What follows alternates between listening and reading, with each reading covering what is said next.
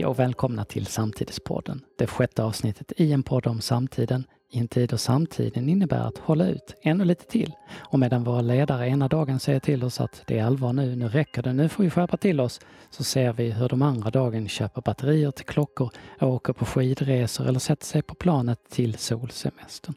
Och ibland är det som hela landet inkapslats i ett enormt glashus, där den som gick på influencerfest i höstas vill att den som besökte en galleria i julas ska avgå.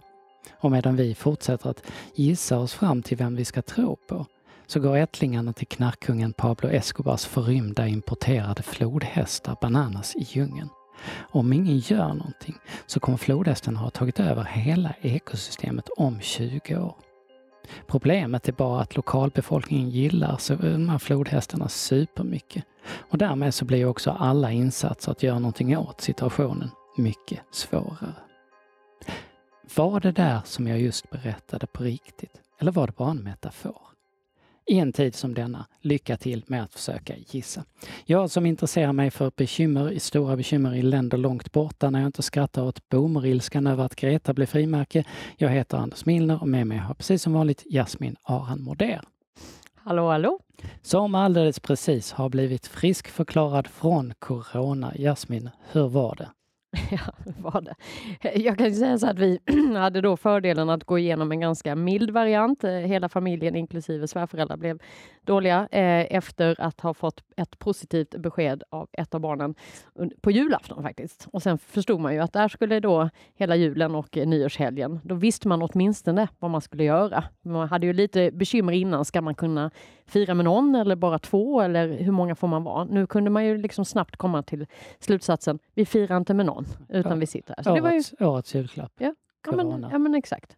Det som var lite eh, stressande var att eftersom man inte riktigt vet hur detta eh, ter sig, den här sjukdomen, så eh, är man ju, vi gick ju då som sagt igenom en ganska mild variant. Då är man ju lite sådär, lite som att är det här, en, en eh, är det här på riktigt eller inte? Så är man ju lite osäker på om det, vi verkligen gick igenom corona eller inte, trots att beskeden var att vi hade corona. Kan vi lita på de testerna eller inte? Är det så att jag faktiskt har antikroppar eller inte? och, eh, eh, eller är det så att jag kommer åka på det igen? Jag vet inte, så jag vet inte hur det känns. Men jag är ändå ganska glad att jag sannolikt har antikroppar nu. Mm. Och vi i Skåne, vi har ju fått det här nu och nu är vi mitt under i Stockholm och andra delar av landet så hade man ju mycket tidigare. Så vi är ju i en situation nu som andra redan har upplevt. Men, men eh, hur pass orolig blir man när man, hur mycket känner man? Jag hade ju känt efter varje sekund. Ja, men jag, eh, nu är jag inte jätteorolig. Eh, eh däremot så när man väl har gått igenom det så, jag, jag, var nog mest orolig för mina svärföräldrar med tanke på liksom ålder. Jag var inte så orolig för barnen. Det gick ju också över på loppet av 24 timmar för alla och det vet jag ju att det, det är klart att det kan hända både barn och vuxna att vi eh, blir drabbade värre. Men jag hade inte någon, jag, jag tror som sagt oron var ju nog större för eh, mina svärföräldrar. Det man väl lite, eh, det jag kunde uppleva var oron att hur snabbt det faktiskt kan ske, så att säga. Att man ändå tror att man, även om man lever i en relativt skyddad verkstad, att man inte träffar så många och att man liksom gör eh, allt enligt konstens alla regler, så kan man ändå bli drabbad. Och det slog mig nog att eh, vi kan nog inte vara och det här är ju ett problem. Vi vet ju inte vad som är vad den här jäkla eh, pandemin.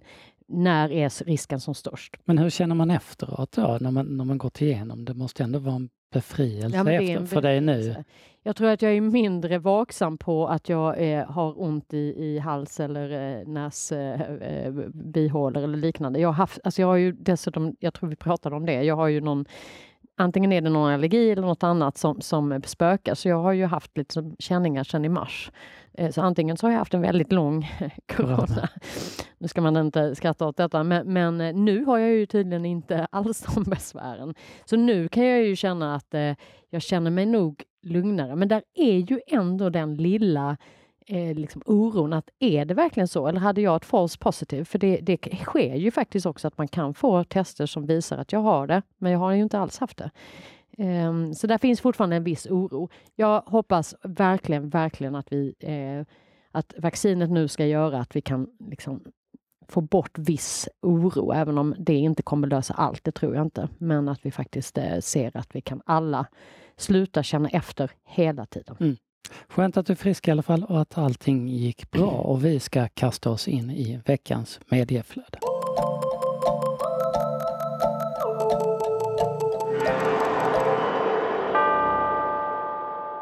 Och det här är en del av podden där vi förgäves försöker torka oss från den taktuff av händelser som okontrollerat flödar över oss. Men den här veckan så blir podden en specialvariant för det går ju inte att prata om någonting annat än utvecklingen i USA där Trump alltså kommer ställas inför riksrätt för andra gången. Jasmin, hur följer du vad som händer? Hur ser dina medievanor ut?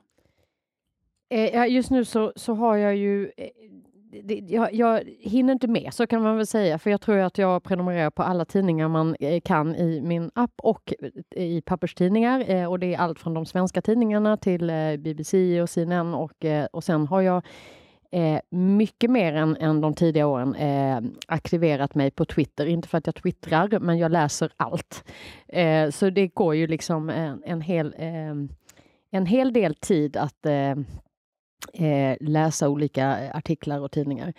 Eh, det jag är väl mer varse, och det är ju inte konstigt eftersom vi har, jobbar med den här typen av eh, frågor eh, kring hur man ska eh, värdera sanningshalterna i de här eh, artiklarna så försöker jag vara eh, ganska kritisk hela tiden och, och liksom se båda sidor av olika eh, frågeställningar och liksom inte bara fastna i de där bubblorna som vi snabbt fastnar i. Eh, så jag ja, men försöker ändå hitta liksom hela tiden eh, fakta och, och, underlag som skulle kunna stärka den ena eller andra sidan. Men eh, ja, det mm. blir inte lättare, så kan man väl säga. Mitt bästa tips som, som jag brukar göra när det, när det är saker som utvecklas i realtid, som det här är en realtidsnyhetshändelse som, som hela tiden tickar på. Liksom. Då tycker jag, då är Twitter mm. oslagbart. Mm. Jag gör ju listor, det vill säga att för just den nyhetshändelsen, vilka personer är det som ger mig den bästa uppdateringen? Drar in dem i en lista och sen förändrar jag och jobbar med den i takt med att det utvecklas.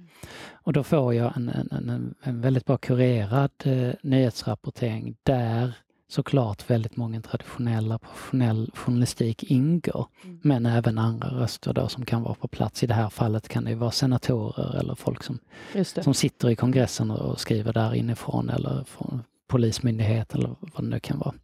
Men är det inte viktigt där också att, att då hitta, alltså aldrig hamna i, i follan att man liksom lyssnar på samma, alltså du, du följer x antal eh, twittrare och så liksom är det så himla lätt att följa dem som de följer eller de som följer dem så att säga. Så helt plötsligt så är du inne i den där bubblan. Att, nu är vi ju kanske lite mer medvetna om det, men jag kan tänka mig mm. att man snabbt får bekräftat det man hade misstankar om. Så kan det, så kan det vara. Så kan det vara. Allting är ju bubblor, det får man ju ha, ha klart mm. för. Men i vissa nyhetshändelser så tror jag inte man behöver vara rädd för att vara bubblor för att det finns liksom inga andra den andra sidan existerar inte när det gäller sanning så att säga. Eh, vilket vi kommer in, kommer, kommer in på senare. Men har man ett läge där, där vi har en grupp som, som eh, stormar kongressen och, och, och gör ett terrorangrepp så är det liksom inte en sida i det. Och allting som är förknippat med, med där är ingen fördjupning av det utan det är desinformation. Men, men eh, det tycker jag det, det mm. Mm. gör ja, någonting med en. Och vi kan se, vi kanske till och med kan lägga ut eh, någon mm. sådan som, mm. som, som ett exempel på det. Eh, medierna är ju en central del i det vi ser ske just nu och Facebook, Twitter, Youtube och andra stora plattformar har ju stängt av användare, speciellt då uppmärksammat Trump som eh, fortsätter såklart att hetsa mot någonting som bara skulle kunna beskrivas som, som ett, ett kommande inbördeskrig. Och man kan se det här som ett naturligt led i, i, i den polarisering som ätit sig in i hela samhället.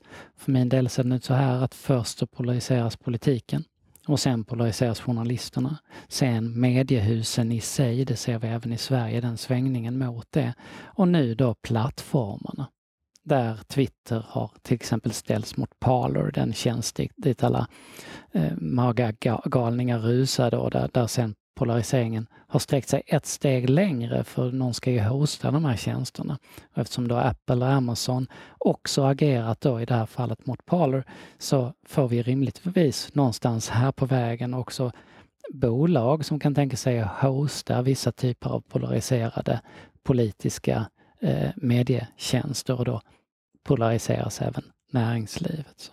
Och det är ju en, en, en jättekomplex medievärld det här. Så nej, för min del är det tydligt så att Twitter skapar ju inte hat i sig. Facebook skapar inte hat i sig.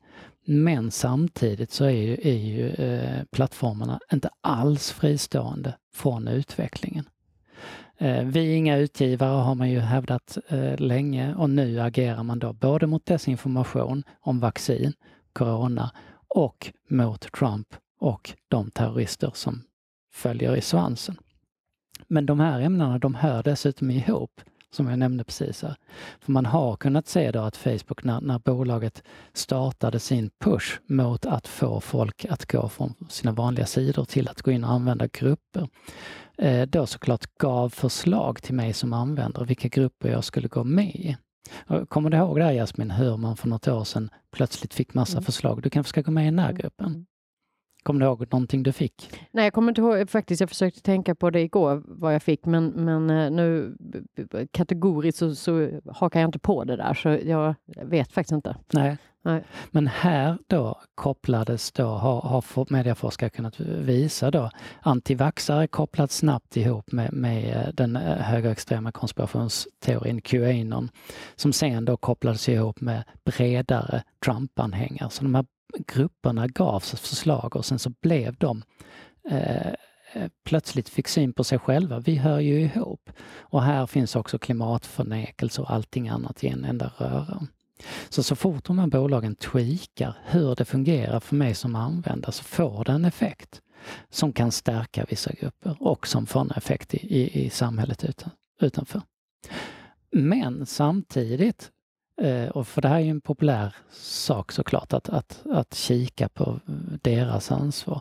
Samtidigt så delskapas också dagens situation av eh, hur dagens medielandskap i övrigt ser ut. Eh, eh, politiken delskapas också av, av eh, professionella medier, tidningar, radio, tv, public service. Här har vi sett en enorm påtryckning från liksom högerhåll eh, inom det här nationalkonservativa, högerextrema sfären, hot och hat och påtryckningar har lett till effekter. Och vi kan se det i till exempel vilka böcker som biblioteken tar in. Bibliotekarierna har, har ju eh, i enkäter visat sig svara att, att vi får påtryckningar som leder till förändrade medieinköp. Och man kan se det i hur migrationen alltid är överst på, på public service nyhetsagenda. Alltså oavsett vad som händer så är det det viktigaste ämnet.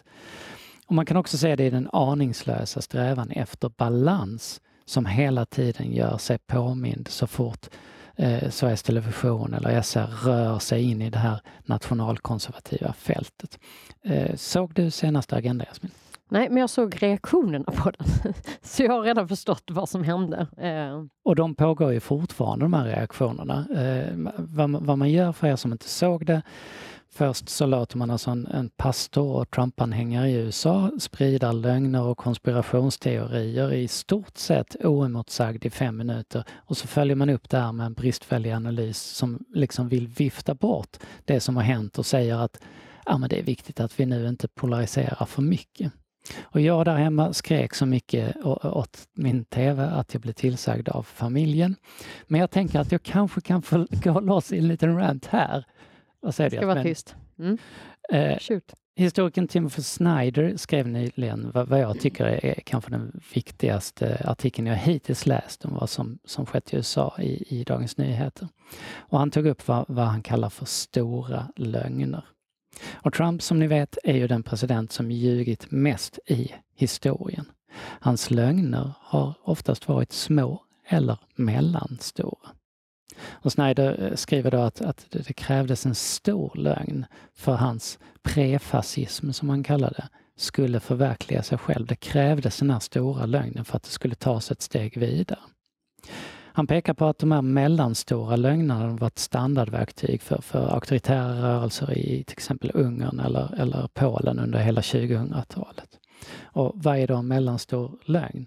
Ja, Trumps mellanstora lögner det är sådana saker som att Obama var egentligen var född i Kenya, att Ryssland inte stödde honom 2016 eller att han själv är en väldigt framgångsrik affärsman. Inget av det här stämmer.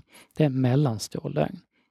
Men vad är då en stor lögn? En stor lögn det är till exempel eh, den eh, antisemitiska lögnen att judarna styr världen eller Stalins eh, lögn om att massvälten i Ukraina, miljoner människor dog, var de här stackars människornas eget fel. Och stora lögner får, till skillnad från de andra, massor med konsekvenser. Och I november 2020 går alltså Trump ut. Han säger att han har vunnit ett val som han så tydligt har förlorat. Och för att få den här stora lögnen att fungera, och här märker man vad skillnaden är, då måste alla som tror på lögnen misstro allting i samhället. Reportrar, journalister, medier, experter, samtliga myndigheter på samtliga nivåer, alla domstolar, allting i samhället måste misstro. Det kräver då en konspirationsteori för att få den att tänka hur många människor som måste vara involverade om det här valet skulle vara riggat.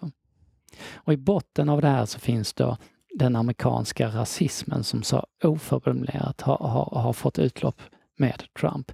Där vita går till någon slags motattack mot svarta om och om igen. Och där Black Lives Matter framstår som en, liksom, som en terrorgrupp för de här människorna. Men Snyders viktigaste slutsats i detta, som jag tror är viktig för oss, det är att lögnen överlever lögnaren. Och det är här då som, som Agenda blir så skadligt. Där analysen från den egna rapporten är att nu går det här vidare, Trump lämnar, nu har han tappat sitt grepp om partiet och så säger hon att hon önskar att hon kunde ta oss med sitta vid köksborden hos Trump-väljare på landsbygden. Det här är en vanlig journalistsjuka som man känner igen, det vill säga att den eh, som har gjort ett reportage tror bara för att den har gjort reportaget att den kan göra en vettig analys eh, bättre analys än andra för att de har råkat träffa Jag har varit där. Och där vid det här köksbordet skulle vi då tydligen förstå att de flesta inte är galningar. Jo, säger hon, de är konservativa vad gäller aborter, samkönade äktenskap och rätten att bära vapen. Och ja, det finns rasistiska undertoner för de som är oroliga att vita engelsktalande amerikaner krymper som skara. Men, säger hon, de vi ser nu, de är inte, det, är inte, det är inte så 74 miljoner amerikaner beter sig. Och här citerar jag Jasmin, för, för hon säger så här. Här har vi journalister ett ansvar att inte driva på den här polariseringen. För det är oemotståndliga bilder med de här grabbarna och några kvinnor som tog sig in i Kapitolium. Hon lever i en egen bubblan. Ja, mm. alltså de här grabbarna. Jag följer Eh, på tal om Twitter då, en, mm. en kravallpolis som väldigt träffande beskrev de strategierna som finns för våldsamma demonstrationer. Och det visar sig då att det är inte alls ovanligt att man klär ut sig just sådana här lustiga och fåniga kostymer och kläder, barnkläder liksom. För att, det här gör man då också i Sverige, för att effekten blir att man drar fokus från våldsverkarna som står tio meter bort. Och alla medier har vi kunnat se har ju dragit på de här bilderna, den målade pälsmannen. De ser ju liksom fåniga och lustiga ut. Och då tar det några dagar innan det kommer fram en lite mer sann bild om de här väldigt förberedda terroristerna. Och den bilden börjar ju komma falla på plats nu. De är beväpnade, de har flaggor, men de kan också användas som påkar mot polisen, man har skyddskläder mot polisen, man har pepparsprayer, man har buntbandshandfängsel med sig och en målmedveten. Man vet var man ska, man vet vilka måltavlorna är. Och man har då, tror jag, uppe i sju döda nu som, som ett resultat av det här. Man är bara en hårsmån från en fullständig massaker. Och Snyder skriver att efteråt då röstar åtta senatorer och fler än hundra ledamöter i representanthuset för den lögn som tvingat dem att fly från sina sessionssalar. Där är den stora lögnen, Trump är inte slutet för det vi har sett och det finns en hel del som tyder på att han bara är början. Och den här typen av grunda analyser, nervöst balanserade där lögner ses som likvärdigt med åsikter i nyhetsinslag, det fungerar inte längre vi måste kunna kräva mer av public service. Och för oss andra så framstår ju såklart frågan vad vi ska göra när vi slutat sitta och skrika åt tvn där hemma eller ranta i poddar. För det är ju alldeles uppenbart att vi har, har liksom startkornen till samma problematik i Sverige.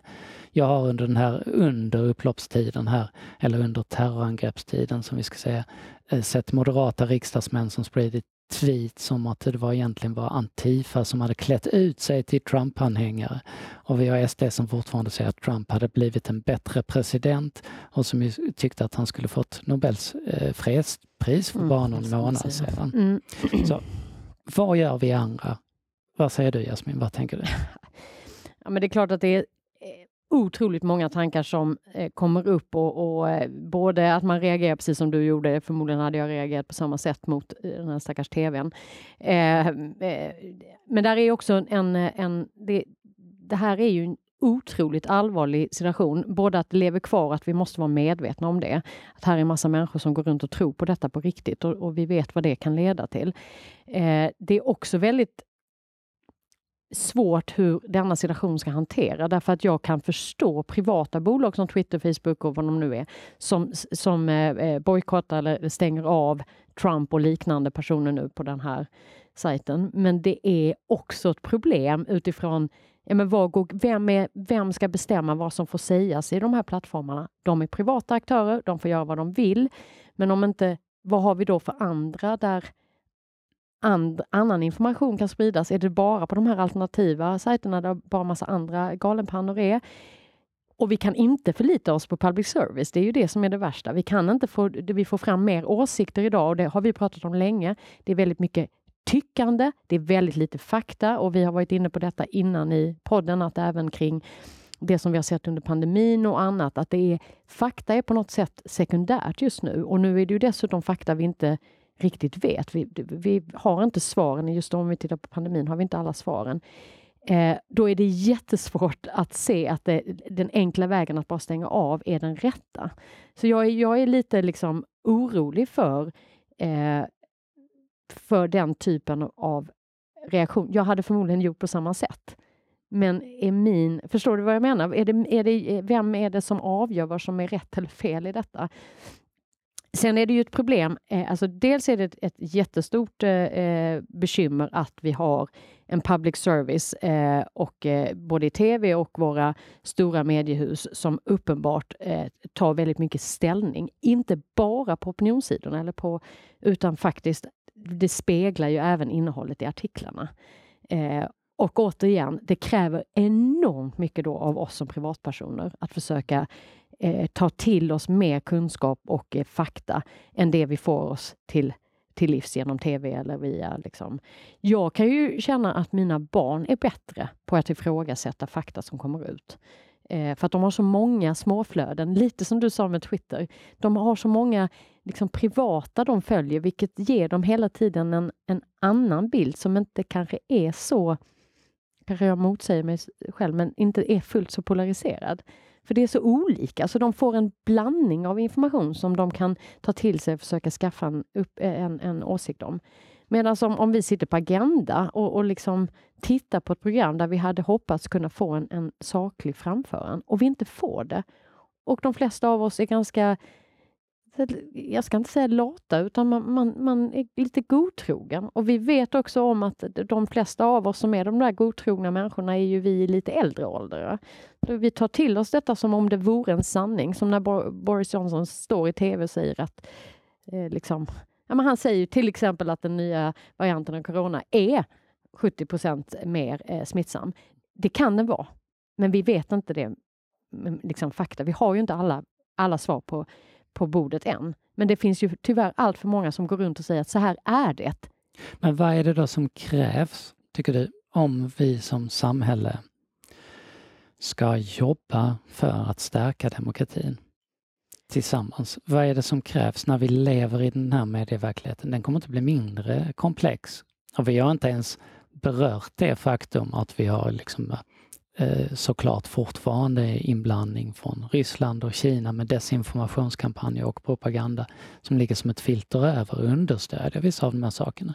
Vad, är det, vad, är det som, vad, kan, vad kan vi göra som första, var måste vi börja? Delvis så tror jag att det ligger eh, eh mycket att vi måste ta mer ansvar som individer, att man inte hela tiden kan skylla någon annan. Eh, och då handlar det ju om allt ifrån att, att ifrågasätta om man verkligen ska retweeta den där tweeten som du egentligen inte riktigt vet om den har någon sanning eller om det är en galenpanna som har spridit det. Att lite kanske tänka efter när du likar eller när du retweetar eller när du kommenterar ah, det som om det är en sanning. Ja, men, och kanske försöka tänka lite själv, är det här rimligt att tänka sig att detta verkligen, kan det verkligen vara som i det här en konspirationsteori, eh, som konspirationsteoretikerna, att alla de här olika myndigheterna och organisationerna är med. Det är ju inte rimligt. Någonstans så måste man ju själv, liksom, man kan inte bara förlita sig på att det som har skrivits i en tweet eller en kommentar eller en vad det nu kan vara. Alltså det är ju helt bisarrt att vissa av de här politikerna går ut och säger någonting. Även om de tror detta så, så får de ju i så fall skaffa sig lite mer fakta innan de går ut och gör uttalande. Och då tror jag att förutom att vi själva ska bli bättre på att inte likea och retweeta och, och vara snabba på den typen av, av eh, spri, ytterligare spridning så ska vi också kräva att de som kommenterar och skriver eller är med i Agenda eller vad det är också har mer eh, fog. Att, att faktiskt ifrågasätta och kräva att de har mer fakta i, i liksom, med sig. Ja, i längre... Ja, Forskningen måste... Alltså vi, jag tror att vi måste, vi måste vara förlita oss mycket mer på forskning. Att forskningen också får ta en mycket, mycket större plats. Eh, och att vi inte bara tror massa saker. Jag har ju länge varit inne på att, att vi måste ha ett större liksom, samlande grepp på något sätt och fler aktörer måste vara in för att stötta de demokratiska processerna. Och att, att eh, ja, bra, som du säger, vi har ett eget personligt ansvar, vi, vi har forskningen har ett ansvar att nå ut och att, att, att ta plats och så vidare. Eh, sen har vi ju allt som demokrati hänger ihop med. Alltså, vi har hållbarhetsfrågor, vi har inkludering, vi har jämställdhet, alla de här sakerna. Och där ser man ju att, att det drivs ju oftast av ideella organisationer eller av myndighetsincitament på något sätt, eller kommunala eller regionala satsningar. Och så har vi ett helt omgivande samhälle med en massa företag med, som inte riktigt är med på banan när det gäller detta hur kan vi komma till en förändring? Eh, ja, men en sak som jag tänkte på innan när jag svarade på din tidigare fråga var att jag tror att en, en del som, som det här handlar om är att vi eh, måste vara lite mer inlyssnande och lyssna på flera röster, alltså att verkligen ta in olika åsikter och tankar och inte bara liksom fastna i att men det här tror jag på. Detta gäller ju klimatfrågan precis lika mycket. att Eh, att vi liksom ser och, och eh, tar till oss eh, olika forskning och att också vara liksom medveten om att, att att vi har inte svaren på allting. Att det är okej okay, att vi lever i en ganska osäker värld, både vad gäller klimat eller corona eller liksom sanningar eller demokratifrågan. Men det är okej okay, så länge vi hela tiden försöker ta reda på mer om vad är egentligen rätt eller fel eller hur hur påverkas vi av att, eh, temperaturhöjningar och så vidare. Eh, och då skulle jag säga att både företag och organisationer har ju ett större ansvar att ta reda på detta, att, att få en och ta ansvar för eh, både att, att olika tänk och åsikter kommer, eh, att man tar till sig det. Eh, det leder ju också till att ju, ju mer öppet vi har, ju mer tankar får vi in i våra organisationer och ju mer innovativa och kreativa blir vi. Det vet vi. Men stänger vi av det och bara kör vår egen lilla liksom silo eller vår åsiktskorridor eller vad det är, så kommer vi också missa väldigt mycket stora chanser att utvecklas som företag, organisationer, som nationer, som, som samhälle. Så det är så viktigt att öppna upp och låta alla komma till tals. Men det känns ju också så konstigt att, att, att man har de här, det är som en parallell värld. Mm. Jag hörde det här på radio, jag har inte kollat själv så jag ut, bara utgår ifrån att, att P1 har, har rätt i detta, men att börsen påverkas alltså inte efter terrorangreppet. Så man, man har liksom tusentals människor som stormar eh, Kapitolium. Vicepresidenten, talmannen, alla hela makten är samlad där. Eh, vi är en hårsmån från att de faktiskt blir eh, mördade där inne. Och börsen säger ja, det, så farligt. Det, det, det rör inte oss. Nej, nej. Det är väl ändå en tydlig bild av att här finns några band som saknas. Ja, men så är sätt. det. det tror jag. Men det, och jag tror att eh, Ehm, jag, jag hoppas att, att fler företag och organisationer tar till sig det här och att man ser att man är en del av detta. En, del inte bara i att, att förhålla sig till det utan också aktivt se till att vi har en, en fortsatt eh, eh demokratisk värld. Eh, för att på lång sikt så påverkar detta. Nu, nu får man ju se om detta är en isolerad händelse så kommer det inte påverka företagen i sin vardagliga eh, business så att säga. Men det är klart att skulle detta eh, eskalera till något inbördeskrig så är det klart att det är ju jättemånga som blir drabbade. Men då är du ju drabbad för att du inte kommer ha samma köpkraft eller möjlighet att göra affärer. Men du, du reagerar inte på det från ett näringslivsperspektiv för att det är ett hot mot demokratin. Därför demokrati, krasst sett, spelar inte så stor roll för eh, det liksom kortsiktiga eh, affärsutvecklingen. Det jag tror det påverkar är på, på lång sikt, har vi ett mycket mindre demokratiskt och öppet samhälle så kommer vi få mycket, mycket mindre av de eh, stora disruptiva lösningarna på problem. Det, det, det är jag helt övertygad om. Eh, men på kort sikt så spelar det inte ett företag så stor roll om det är hur mycket demokrati det är där ute eller inte. Så det, det, det, det tror jag eh, man ska vara helt medveten om.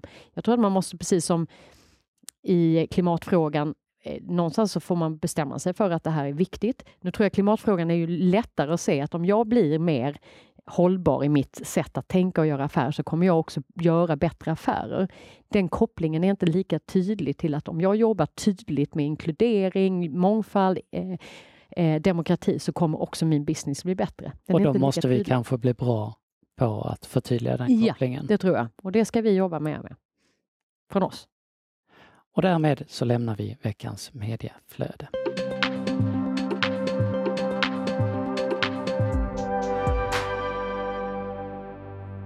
Och därmed är det dags för veckans Men hallå! Som jag fått äran att framföra idag och där vi lyfter något som fått oss att höja våra ögonbryn lite extra. Och den här gången handlar det om partnerupptäckter i coronans spår.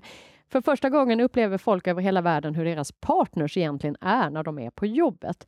Och i trådar i sociala medier så ser man saker som, alltså det här är så roligt. Du har läst det? Det är fantastiskt roligt. Det här måste, alla som lyssnar på detta, ni måste kolla upp det här. Vi får lägga ut det här i vår chatt. Men där man då naturligtvis ser eh, saker och ting om sin partner som man inte hade en aning om. Och nu ska jag läsa upp några eh, eh, roliga grejer. Bland annat den här som jag tycker är fantastisk. This, my husband, han säger då What's one thing I can do to make your day better? Detta säger han ju då till sina kollegor uppenbarligen i ett Teamsmöte eller Zoom-möte eller vad det, vad det nu kan vara. Den här kvinnan skriver kommentar. What the Jag får inte svära, jo det får jag. What the fuck säger hon. Eh, varför får jag aldrig denna frågan hemma? Detta är ju fantastiskt. Alltså hade jag hört min man säga det, jag hade, det hade ju varit snabb krishantering. Och sen eh, den här är också väldigt rolig som jag, om min man nu lyssnar på detta så tror jag att han kommer, kanske är det så att det kan vara en liten, liten hint till honom också. Turns out my husband can actually small talk, just not, not with anyone we know in non-work life, eller i mitt fall i vår familj. Man bara, varför pratar du så mycket med dina kollegor? Men eh, jag får inte veta allt det där du har berättat. Eh, äh, det, det är väldigt, väldigt många roliga grejer. En här, a funny thing about quarantining is hearing your partner in full work mode for the first time. Like, I'm married to a let's circle back guy. Who knew? Upplever du något sånt där? Jag frågade efter jag läste det här om, om, eh, om, om eh, jag var annorlunda och eh, tydligen så pratar jag då, jag pratar ganska lågt alltid, men jag pratar då högre på jobbet så att ni kan glädja mig, åtminstone ni hör mig. Och är då lite mer peppig i, i mina samtal också. Eh, faktiskt. Eh, men annars inte, inte så jättestor skillnad. Men jag tror det beror på att jag har ganska så låg amplitud överlag. Och själv då? Ja, men jag, ska jag ska faktiskt ta upp det hemma. Jag kan tänka mig att de tycker att eh, jag pratar precis lika mycket hemma som, som på jobbet, så det är väl inte någon eh, stor skillnad egentligen. Eh, eh, möjligtvis lite att jag är nog lite gladare på jobbet kan jag tänka mig. Att jag är lite tvärare hemma. Men tänk ändå vilka upptäckter som människor gjort under det här eh, coronaåret om sina partners, om hur de egentligen är eh, den största delen av dygnet. Kan man inte be de som lyssnar att dela med sig? Det här är ju superroligt. Alltså bara de här som vi har läst nu, det är ju fantastiskt. Det hade varit väldigt spännande ja. att höra. Mm. Hörni, det här var allt för oss idag. Det är fredag den 15 januari 2021 och den här dagen 1831 så skrev Victor Hugo klart ringan i Notre Dame. 1870 så gjorde Demokraternas åsnesymbol entré för första gången. 1929 så föddes Martin Luther King och 1981 så började Hill Street Blues sändas för första gången. Eller Spanarna på Hill Street som den hette när den sändes i Sverige. Såg du det? Absolut, varenda avsnitt. Fantastisk serie. Och 2016 gick 19 skivor skivor med David Bowie upp på Englandslistan eh, efter hans eh, död som en effekt av att han, att han gick bort. Du har lyssnat på det sjätte avsnittet av Samtidspodden med mig Anders Milner med Jasmin Aran Moder. Och Samtidspodden produceras av Altitude Meetings och vi, vi ses igen nästa vecka. Till dess, håll avstånden till andra människor, tvätta händerna och ta hand om er. Hej då!